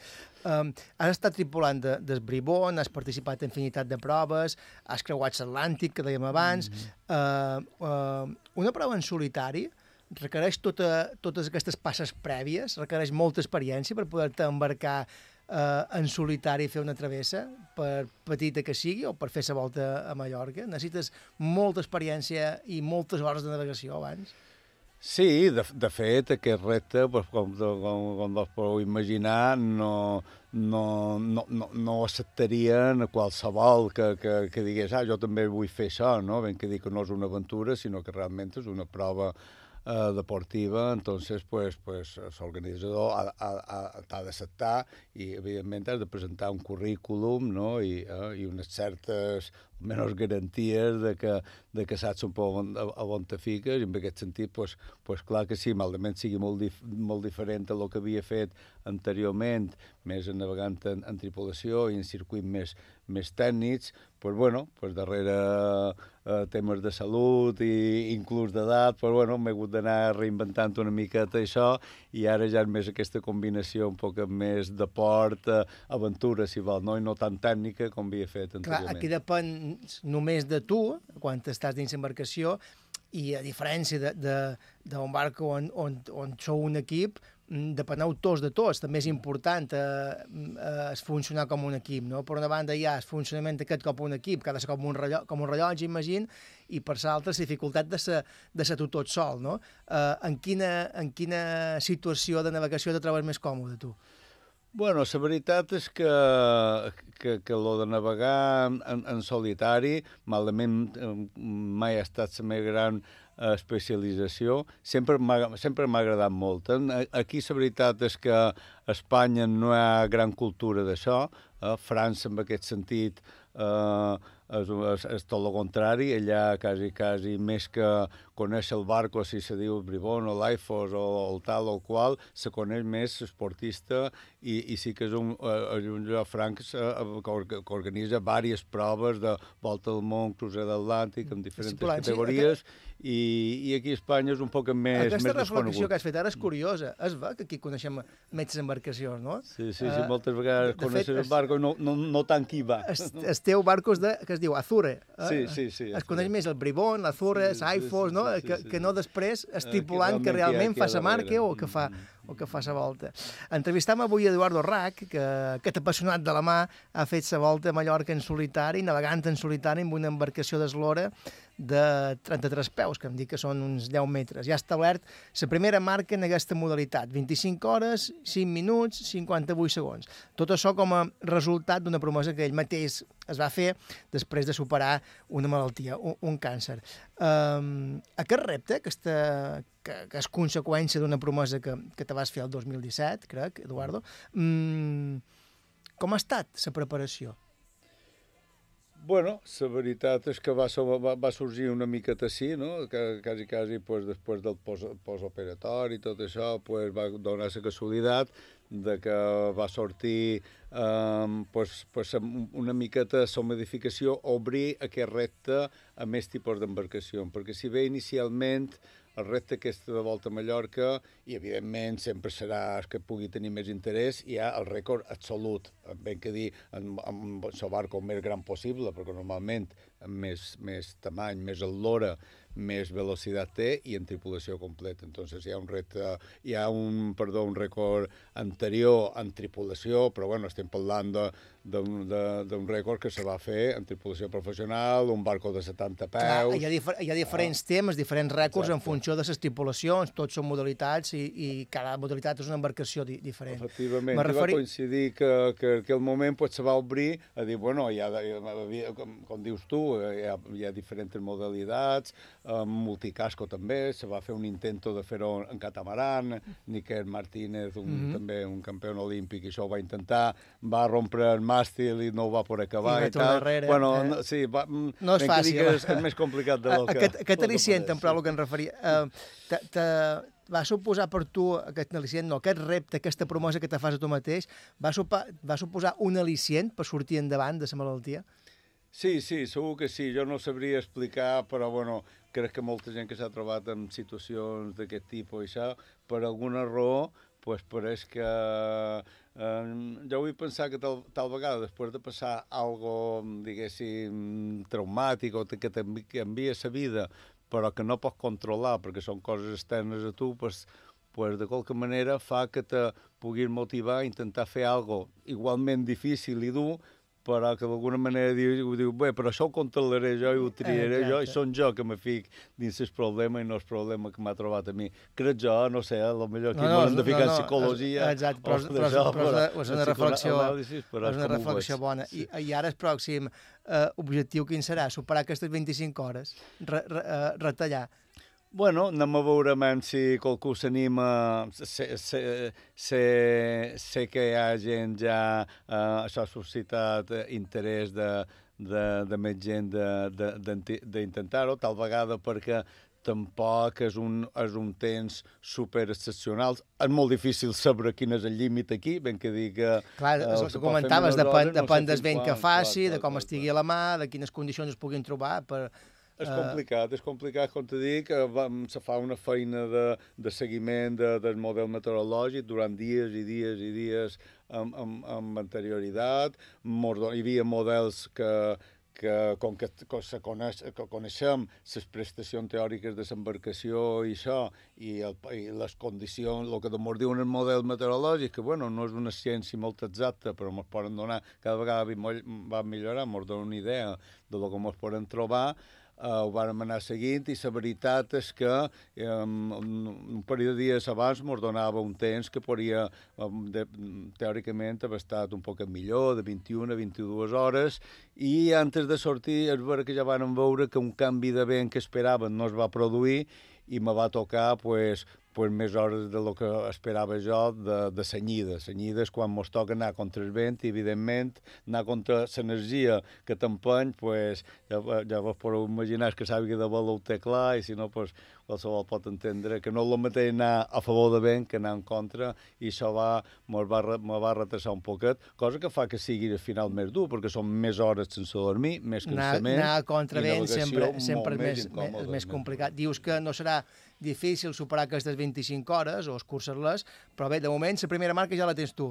Aquestes Exactament, 25 hores, 5 exactament, minuts, el- sí, 58 segons. Eh, Eduardo hemos Rac. echado el guante i, I ja està, ara eh, ja, és qui, és qui vulgui superar que, que, ho, pro- que ho provi. I, i, i ja veurem si, si agafam estat- el rebot. uh, ha estat un plaer, Eduardo, tenir-te aquí, després de que hagis superat aqu aquest repte, que hagis superat també la malaltia, després de superar aquesta volta a Mallorca, navegant en solitari en la teva embarcació d'aquests 33 metres, que són mm, de 33 peus, que són uns 10 metres, perquè mm. mos entenguin. Res, moltes gràcies, Eduardo, per haver estat aquí a Fent Quilòmetres i, i Moltes. explicant aquesta, aquesta història, aquesta aventura. Moltes gràcies. Gràcies a tu. Fem una petita aturada ara per la, per la publicitat i tornem ara amb en Carlos Sunyer. Parlam avui de la Guerra de los Mundos.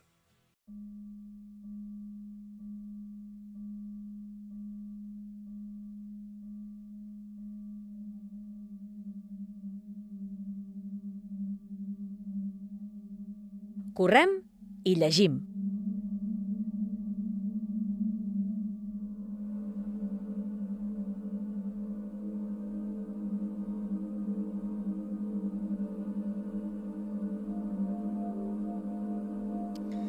Venim de fer la volta a Mallorca navegant en solitari. Carlos Sunyer, què t'ha semblat, Eduardo Rac? Molt interessant. eh? S'ha de ser molt valenta. S'ha de ser Per molt que valent. controlis l'estratègia i la tècnica de, sa, de navegar i coneguis l'embarcació, uh, déu nhi s'ha de ser... I fort mentalment. I fort mentalment, sobretot, sobretot. Uh, com també s'ha de ser mentalment molt fort per entrar dins aquesta novel·la en la qual ara uh, mos volem submergir. Uh, és una proposta, com sempre, eh, interessant i emocionant i enriquidora. Parlam avui de, de la Guerra de los Mundos, de la Guerra dels Mons, de, de War of the Worlds, no? novel·la de ciència-ficció escrita per George Wells, el 1898, i que descriu una invasió alienígena a, a la Terra. És la primera descripció coneguda d'una invasió extraterrestre. Un relat que, a més, està a punt de partida no? de, de nombroses versions sobre aquesta mateixa idea i, i temàtica. Després, l'ésser humà ha corregut i ha perseguit extraterrestres fins, fins ara.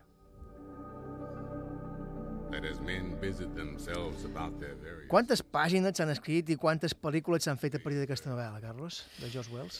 Moltes, moltes, i és, i és ben justificat, perquè, com tu bé dius, és la primera vegada, parlant d'una novel·la de 1898.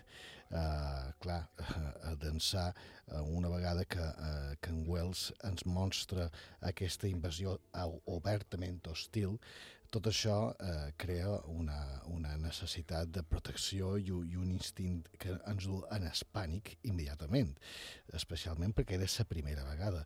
Per tant, llibres, pel·lícules, videojocs, còmics, sèries de televisió, tenim la pel·lícula del 53, la pel·lícula del 2005, tenim àlbums conceptuals, tenim eh, composicions de, de Led Zeppelin mateix, tenim de, també tenim eh, derivacions com Mars Attack de Tim Burton, és a dir, és inacabable. Pensa també que aquesta referència que ell feia amb aquesta obra eh, tenia molt a veure amb el colonialisme irrespetuós que sa, que sa, eh, la Gran Bretanya victoriana du a terme a Àfrica, a Àsia, a Amèrica. Per tant, també era una metàfora, com va fer en Conrad el, Cor de les Tenebres. És a dir, que té mm, bastantes lectures més enllà del fet de convertir l'home en un ser vulnerable que rep l'atac eh, visceral i destructiu de, dels alienígenes, que això eh, sempre ha estat dins, dins eh, el substrat de, eh, nostre, no? De- aquesta por de ser fàcilment víctimes d'una intel·ligència superior que obertament ens destrueix. Hm. Davant un atac d'aquesta magnitud no hi ha herois possibles ni mesures de defensa viable. No? Eh, córrer davant un atac alienígena eh, o un atac extraterrestre sembla que és l'única opció, no? perquè no, no mos hi podem encarar tampoc. Eh, ni tan sols el fet d'amagar-se és possible, perquè són més vius que tu i te trobaran tot d'una. Uh, això recorda també, has comentat tu uh, Mars Attack, però també Independence Day o, o La Carretera, per exemple, que parlaven l'altre dia de Road, no? També. No era un atac alienígena, però era un, un desastre desconegut, també. Clar, és que el, el, el fet de no tenir una explicació, no tenir una possibilitat de, de defensa, eh, crea aquesta, com a, com a via de, de, única de, de, de solució eh, de supervivència, corre. Però corre de, de, de manera desesperada. Um, pensa que en, que en Herbert George Wells, eh, que, aquest home, eh, que és un pare de la ciència-ficció, bé, amb tot el, permís d'en Julio Verne, clar, és també creador de, de la màquina dels temps o de, o de Silla de Dr. Mogó. És a dir, són obres molt interessants. Aquest home va estar quatre vegades nominat en el Premi Nobel i quan el llegeixes, a més a més d'això que estem explicant i com ens trasllada aquesta por, eh, recorda un poc en Dickens també. És a dir, que hi ha, una, hi ha moltes lectures i un fons sempre ètic i crític cap a la societat eh, victoriana. I aquesta metàfora que jo explicava abans, mm, eh, perquè era un home obertament socialista també, eh, considerava que la supèrbia de, de, de l'ésser humà, especialment de les primeres potències, i pensant en, en, en Gran Bretanya i com explotava aquests continents, eh, li venia bé entendre un poc què és aquesta feblesa, aquesta vulnerabilitat, en el cas de que passés al contrari. Els que són més poderosos que passaries si, si se senten en situació d'absoluta vulnerabilitat davant una força molt, molt més eh, poderosa. Comentàvem ara que s'han fet moltes versions, però mm, estaràs d'acord en jo que la millor versió, molta diferència, segurament no les he vistes totes, no ho sé, crec Mhm. que sí, però mm, molta diferència que s'ha fet i es farà mai d'aquesta novel·la és eh, precisament eh, el documental del ma- del mateix nom, no? la Guerra dels Mons, la Guerra dels Mundos, de The War of the Worlds, que és la versió radiofònica de Norson Wells.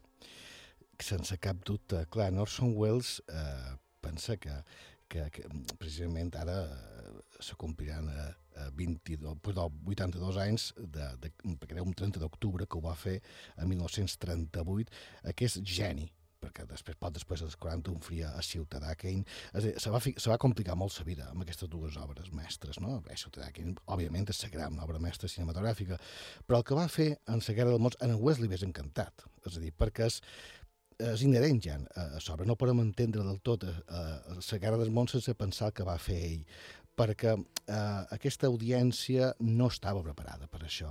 Avui seria impossible. Avui de quina manera podrien aconseguir això? Posar-se d'acord tots els mitjans de comunicació, totes les xarxes, és completament impossible fer creure la gent, com va fer ell, de que s'estava eh, passant realment aquest, aquest atac. I a sobre va fer variacions, per exemple, la invasió era Nova Jersey, clar, ho feia més creïble. És veritat que va avisar al principi, va avisar de que era ficció, però clar, els que s'incorporaven després no en tenien ni idea del que havia dit, per tant, havia escenes verdaderes de pànic a tant a Nova Jersey com a, com a Nova York. A més, George Wells i Orson Welles. Aquest Wells... Eh, Efectivament. Sembla que... Sembla que el destí ja els Que havia... el destí o que, no sé, o que de descendència directa després, Sí, no. en, Orson Welles d'en George Wells. N- No ho era, però a nivell cultural sí que ja ho ha estat, sí, perquè havia, hi ha una connexió ja per sempre. Escoltam, si t'assembla, un fragment eh, d'un documental que explica com i per què, cent anys després de la publicació d'aquesta novel·la, d'en Wells, eh, la BBC va, va dur a terme la retransmissió aquesta de la novel·la, no? que era amb estil radiofònic, sí. i perquè l'audiència va creure que allò, maldament els haguessin avisat al principi, allò que estava passant, eh, estava, allò estava passant realment. Realment, no? sí. sí. La Guerra de los Mundos, aquel viejo relato sobre una invasión marciana escrito en 1898, había madurado convirtiéndose en algo que cuajó de manera extraña en 1938. 1938 fue un año asombroso. Fue el año en que apareció Superman, pero también fue el año en el que se consiguió la fusión del átomo y comenzó la era de la energía nuclear. También fue el principio de la agresión alemana. En marzo de 1938, la crisis política hizo que Austria se anexionara a Alemania. Y en septiembre los nazis ocuparon los Sudetes. Con todas estas noticias que no anunciaban nada bueno en sus radios, el público necesitaba evadirse y sintonizaban espectáculos de variedades como La Hora de Chase y Sambor, con Edgar Bergen y Charlie McCarthy, que concitaba el 90% de la audiencia de la radio. Frente a estas marionetas cómicas, la CBS tenía el Teatro Mercurio en las ondas, bajo la dirección de un hombre de 23 años, de nombre Orson Welles. Orson Welles, el 1938, com bé comentaves abans, i amb només 23 anys, dirigia el programa de ràdio The Mercury Theatre, eh, el Teatre Mercuri. És aquí on, sense inventar res, només seguia l'argument de la novel·la, amb lleugeres modificacions, eh, i gràcies a recursos que ja eh, oferia a la ràdio i que ell sabia emprar, no? eh, converteix un relat imaginari en, en realitat. Sí, i, i a sobre amb aquesta capacitat de dramatització que tenia ell, perquè la significació sonora, etc, els recursos, efectes especials... Eh, clar, no podia ser més creïble. Ja he dit abans que no havia programes així. Eh, Aquell programa de, de, de, de Mercury Theatre, efectivament, tractava de temes una mica més profuns, esotèrics, etc, perquè ell jugava. Aquesta... Sí, són efectes especials, però són, són sons reals. Tampoc... I, i tan reals. De, de fet, pensa que se va emetre com un noticiari urgent. Clar. És a dir, no se va modificar el format en absolut. Uh, ja, insisteix, qualsevol que s'incorporés després, i no havia manera de contrastar, no és com avui, és a dir, un para la ràdio i això és l'únic que té en aquell moment, estava visquent una invasió. I a sobre va ser llest, perquè va, va fer modificacions respecte a la novel·la per fer més creïble i que fos allà on ells estaven. És a dir, que uh, el pànic era, era, era inevitable ja sabia no només com captar l'atenció de l'audiència, sinó també quines tècniques radiofòniques eh, fer servir i potenciar perquè allò fos creïble. Escoltam ara sí un fragment de la versió radiofònica que en va fer Orson Welles. I can see it now. It's a white handkerchief tied to a pole. Flag of truce. If those preachers know what that means, what anything means. Wait a minute, something's happening. Humped shape is rising out of the pit. I can make out a small beam of light against a mirror. What's that? There's a jet of flame springing from the mirror, and it leaps right at the advancing men. It strikes them head on. Lord, they're turning into flames. Now the whole field's caught by the woods, the barns, the, the gas tanks, tanks of the automobiles, spreading everywhere. It's coming this way now, about 20 yards to my right.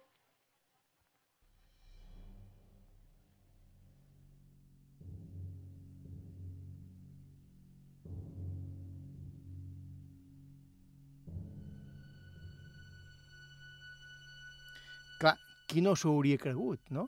O sigui, el to informatiu, mesclat amb el dramatisme cinematogràfic, converteixen l'escena en una història real. Mm, la narració aquesta descriptiva dels fets crea encara més, més angoixa. A, a més, la retransmissió se talla eh, mm, perquè s'ha mort. És que és magistral.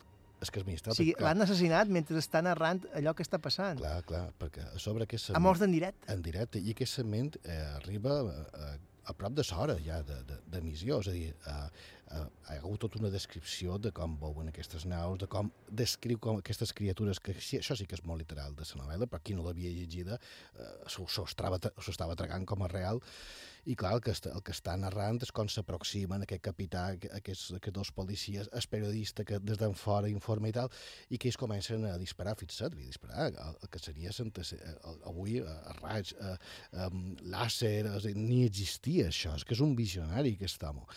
I, i clar, el moment que s'atea és senzillament magistral, perquè clar, ja perdem contacte en sa, en sa comunicació de camp, per tant, el, el peric no pot ser més real per l'espectador, perquè a sobre no està localitzat i el darrer que han sentit és que està a prop de, de les seves cases. Clar, cony, així és normal que molts tinguessin atac de pànic. Pensa que després, l'any 49, ho varen voler repetir a, a, Quito, no tan ben fet, i, i allà a Equador s'ho varen creure tant que se'n va anar a córrer per les muntanyes però després l'emprenyo que varen agafar quan varen veure que no era real va provocar que cremassin eh, els estudis d'aquella emissora. És a dir, que aquest experiment repetit no va sortir tan bé.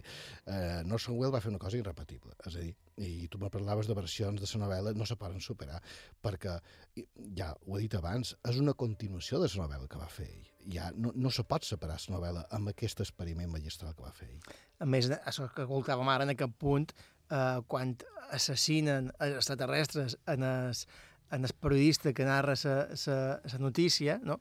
reprèn eh, narrador que està a l'estudi i agafa i diu, reprenem la connexió des dels estudis. Clar, eh? A clar. més, tot ho fa molt creïble. Eh, és fantàstic, això va provocar, eh, clar, aquests tànics de pànic entre, entre els oients. Primer va ser la novel·la, com dèiem, després la versió radiofònica, i més tard, ja el 1953, eh, va arribar la pel·lícula, la primera versió sí. cinematogràfica. No? Sí. Eh, aquí la gent ja sabia que allò no era real, Uh -huh. eh? mm, però novament va obrir la porta a la por a un possible atac extraterrestre. No era real, però, ostres, si això passa. Clar, perquè ja la pel·li ja l'any 53 teníem la Guerra Freda. És a dir, que sempre aquestes, aquestes pors. Abans era perquè, per, per el, el, el nazisme, l'energia atòmica, etc. però sempre hi ha aquesta por en el diferent, en el contrari. Però tots ens, uni, ens unificam quan hi ha la por cap a l'extraterrestre, que són més, més poderosos. I clar, eh, això crea un col·lapse, estiguis on estiguis i sigui de la cultura que estiguis. Escoltam aquesta, aquest fragment d'aquesta versió del 53. Los arrasaron campos y bosques y destruyeron grandes ciudades, haciendo huir de sus hogares a la población. Los fugitivos se convirtieron en torrente humano, en una gigantesca estampida sin orden y sin objetivo. Era el principio de la derrota de la civilización, de la destrucción de la humanidad.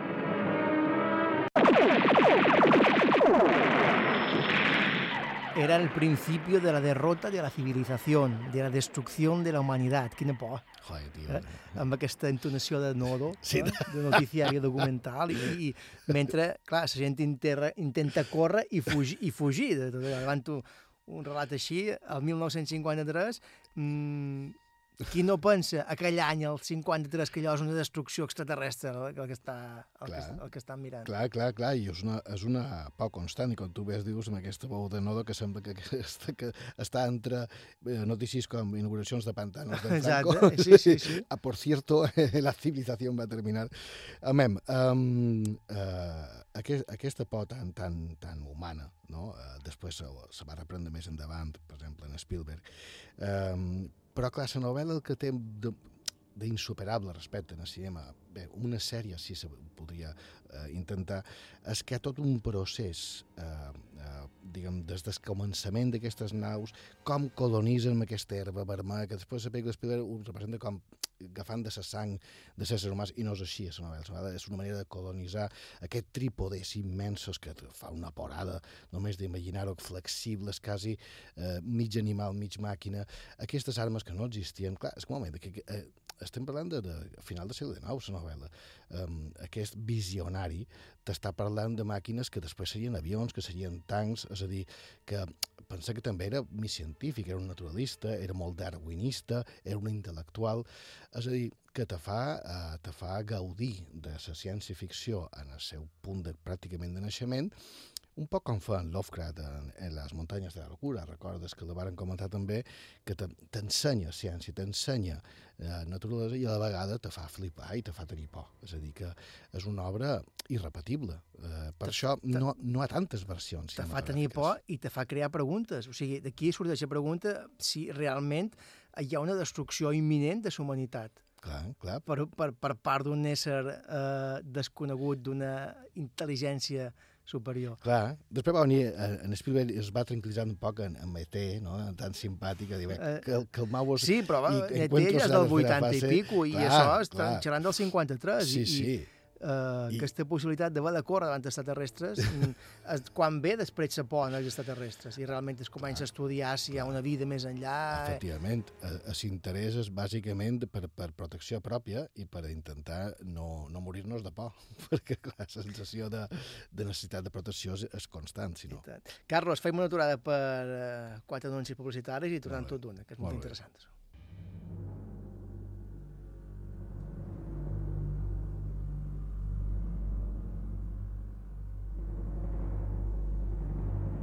Correm i llegim. Tornem aquí, escoltau Feint quilòmetres aquí a la sintonia d'Ibeta Ràdio. Som ja en el darrer tram de, de programa. Parlem avui de, de la Guerra dels Mons, The War of the Worlds, de la Guerra dels Mundos, mm, novel·la de ciència-ficció escrita per George Wells el 1898, que descriu una invasió alienígena eh, a la Terra. Mm, és la primera descripció coneguda d'una invasió extraterrestre. Un relat que ha estat punt de partida de moltíssimes versions sobre aquesta mateixa idea i temàtica, tant en novel·la com, com en relat cinematogràfic. No? Mm, clar, i un relat així, la vida rodant Steven Spielberg, Carlos. Home, clar, clar. Era ell o, en Kubrick tal vegada? No, no, però era per Spielberg, això, sí. Semblava, semblava fet per ell. Eh? Escoltam, si t'assembla, un fragment d'una escena de la versió de Spielberg, del 2005, amb Tom Cruise de, de protagonista. No hi ha diàleg i només corren.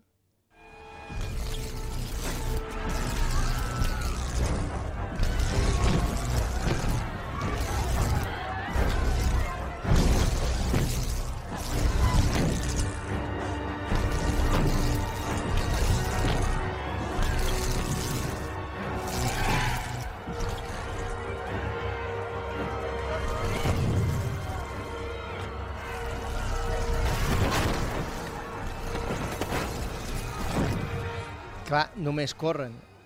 Mm, què més poden fer? Clar, per això és curiós el títol d'en Wells, eh? Guerra dels Mundos, que, que, que, que, que guerra ni que merda, si és que és automàtica, que no, no se pot fer res. Uh, I en Spielberg aquí s'hi reprodueix bé les escenes de, de l'atac, perquè no es pot fer res. Hi ha el pànic, es des... fins i tot m'agrada més que no segueixin aquesta família, perquè la novel·la no ho fa, és més, és més coral. Però sentir això en la música d'en John Williams, eh, amb aquesta feta de so, per cert, eh, se va dur l'Òscar, i merescut també, i, i veure el gran Tom Cruise corrent, que, que és el millor actor. Clar, això te volia demanar. Ja ho vas dir un altre dia. De fet, sí. li van dedicar, un, li van dedicar un, sí. un, un, un capítol de feint quilòmetres sí, a com corre en Tom Cruise. No? Dius que en Tom Cruise és el millor actor per córrer. No tenc cap dubte d'això. I, i, I això que està una mica histriònic en aquesta, en aquesta pel·li, però, clar, la seva, cor, la seva manera de córrer delata la seva, la seva experiència a l'atletisme quan era, quan era al lot, perquè té una punta de velocitat molt alta, cor molt recte, molt elegant, molt alçat, no es desvia ni un centímetre, i va super ràpid, el tio, i és ell, a part que és un tio que no, no, no, no li agrada que s'empleïn dobles. Per tant, fa molt creïbles les escenes d'acció quan ell està corrent. Mira, això ho veurem veient també a Missió Impossible, Último Samurai, etc. És dir, que és molt evident. I què corre davant sa mare de totes les amenaces, que és l'ésser humà com un ésser insignificant, fa que nosaltres també pensem, hòstia... Corre més. Sí, un poc més aviat tot te vendria bé. De la mateixa versió d'aquest 2005, n'escoltam ara l'escena en què fugen eh, amb, amb el vehicle, no? Sí. Eh, és igual que la novel·la, però allà eh, no hi ha cotxes No, en carros i... i eh, anaven en carros, i però aquí fu fugen amb un cotxe.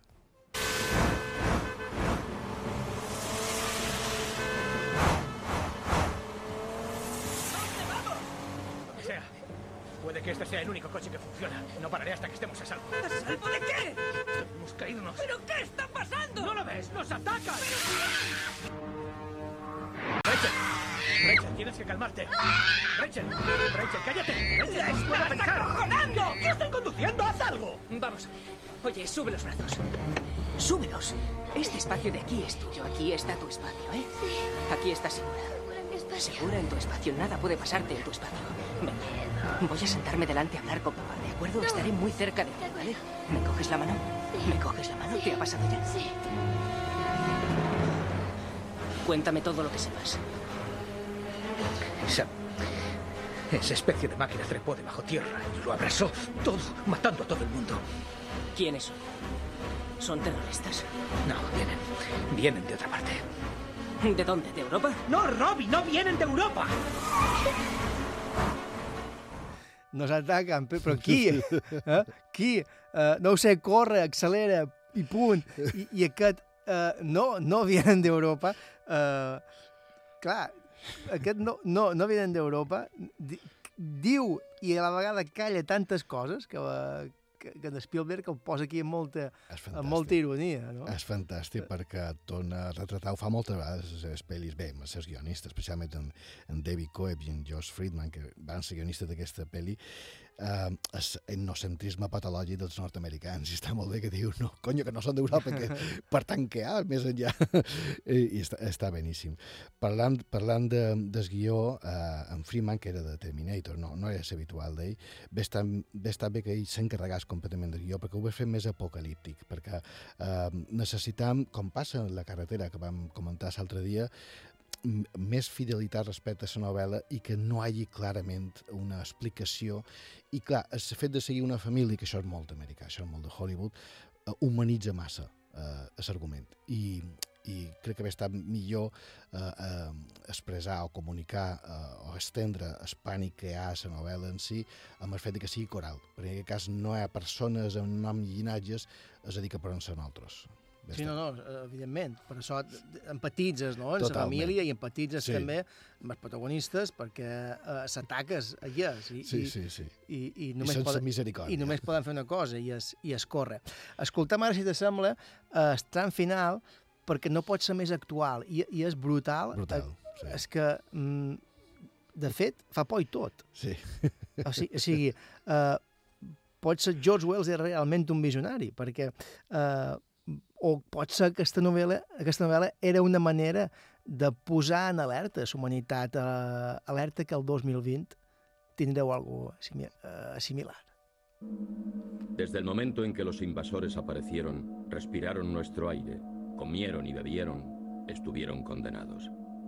Tras fracasar las armas y los recursos del hombre, fueron reducidos, destruidos, por las criaturas más diminutas que Dios, en su sabiduría, puso sobre la tierra. Mil millones de muertos hicieron al hombre acreedor a su inmunidad, al derecho a sobrevivir entre los infinitos organismos de este planeta. Y ese derecho es nuestro ante todo adversario, pues el hombre no vive ni muere en vano. Clar, escolta, fueron reducidos, destruidos por las criaturas más diminutas que Dios en su sabiduría puso sobre la tierra. Mil millones de muertos. El món molecular ens protegeix, però també ens destrueix. Toma ja. I, i ara, amb tot el que està passant, fixa't, si tenim, eh, tenim clar, que ja hem dit abans, el seu caràcter visionari, i que, i que era, un, eh, era un gran aficionat, bé, de fet, era un naturalista, un apassionat de la biologia. Clar, aquest món molecular decideix. I, clar, si nosaltres, eh, se, se pregunta, som un benefici per l'estabilitat del món, eh, se'ns pot interpretar com, com una amenaça biològica, com una mena de virus, perquè si és així, el món reacciona. Eh, és a dir, el que està dient que aquest, aquest com has dit tu, aquest eh, món molecular que ens protegeix també ens pot eh, eliminar. Clar, són els extraterrestres d'aquesta novel·la, els éssers humans mateixos, i és aquesta obra un vaticini de la nostra extinció? Hòstia, pot ser que no, però eh, evidentment si llevam la figura que ell tenia molt clara des Déu protector, que avui eh, en, en aquests moments no, no, estem, no estem, estem desprovist d'aquesta mà redentora de, de, de Déu, eh, en el pensament actual, eh, més por fa, perquè, clar, estem eh, eh, en mans del des procés natural, biològic, molecular. I clar, eh, es mateix, eh, la mateixa causa que destrueix aquests extraterrestres, que són totalment superiors a l'ésser humà, eh, pot destruir també una part de, que forma inherent a, a aquest planeta. I nosaltres seríem una possibilitat de que això fos, no? És a dir, que jo ja tenc un joc a Massanella que conec, que és, un, que és una cima molt profunda, li he dit als meus fills que se facin les maletes, perquè... Però les molècules arriben per tot. Eh? Uh, bé, trobaré... trobaré no correràs prou, no correràs prou. Clar, és que realment és molt curiós, molt sorprenent, i fins i tot per això que fa por. O sigui, sí. allò que a la novel·la elimina extraterrestres és el Covid. O sigui, clar, clar, clar. però a, a, que a la vegada sigui el Covid, allò que elimina els extraterrestres, també te pot eliminar tu, te diu en George Wells, el 1838. Clar, clar. Uh, I de... Quin visionari. Sí, sí. I de fet, si, si mires uh, la pel·li de Spielberg, uh, s'equivoca, perquè parla que milions d'anys abans aquestes naus ja havien estat soterrades. No, no pot ser, perquè en aquest cas ja sabrien que aquest aire no, és, uh, no, no pot produir la destrucció d'aquests éssers. A la novel·la no és així, és tot molt, molt immediat. Per tant, té sentit biològicament, però eh, aquesta, aquesta, aquesta, aquesta empar, aquesta, aquesta protecció molecular eh, es pot girar en qualsevol moment. Estem parlant de Covid, clar. És clar, que, clar, és, que, és, aquí, és, és el clar, mateix. Aquí no, no se parla de Covid, evidentment, jo dic, sí, dic Covid sí, sí. Perquè, perquè ens entenguem, però sí.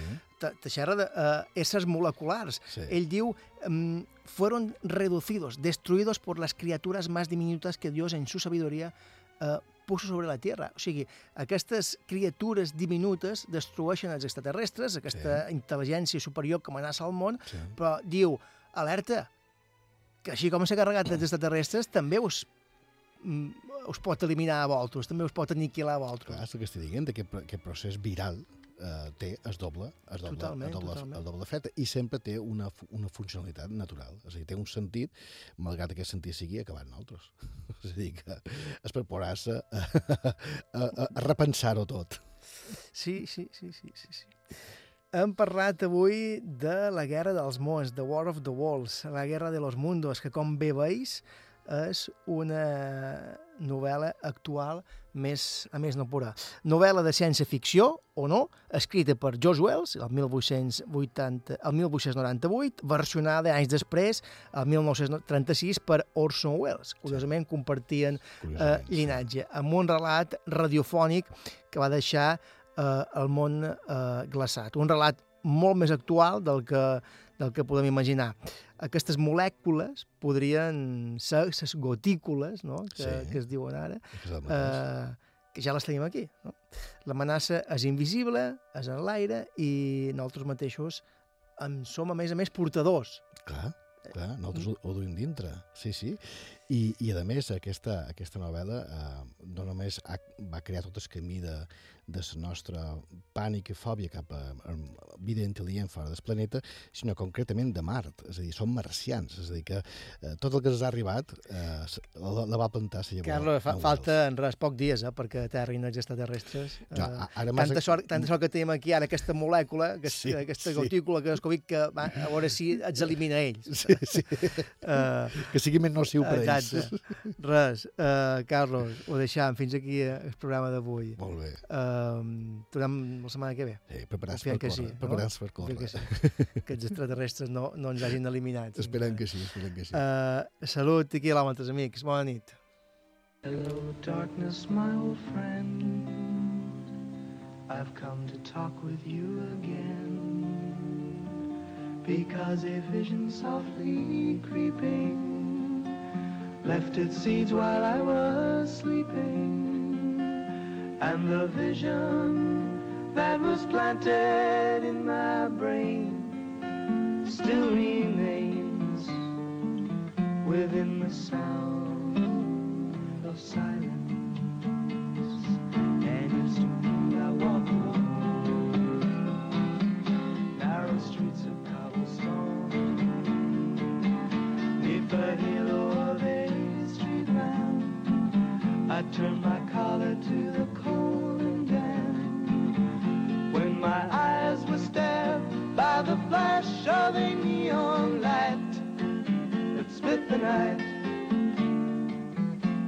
the sound of silence. And in the naked light I saw ten thousand people, maybe more. People talking without speaking.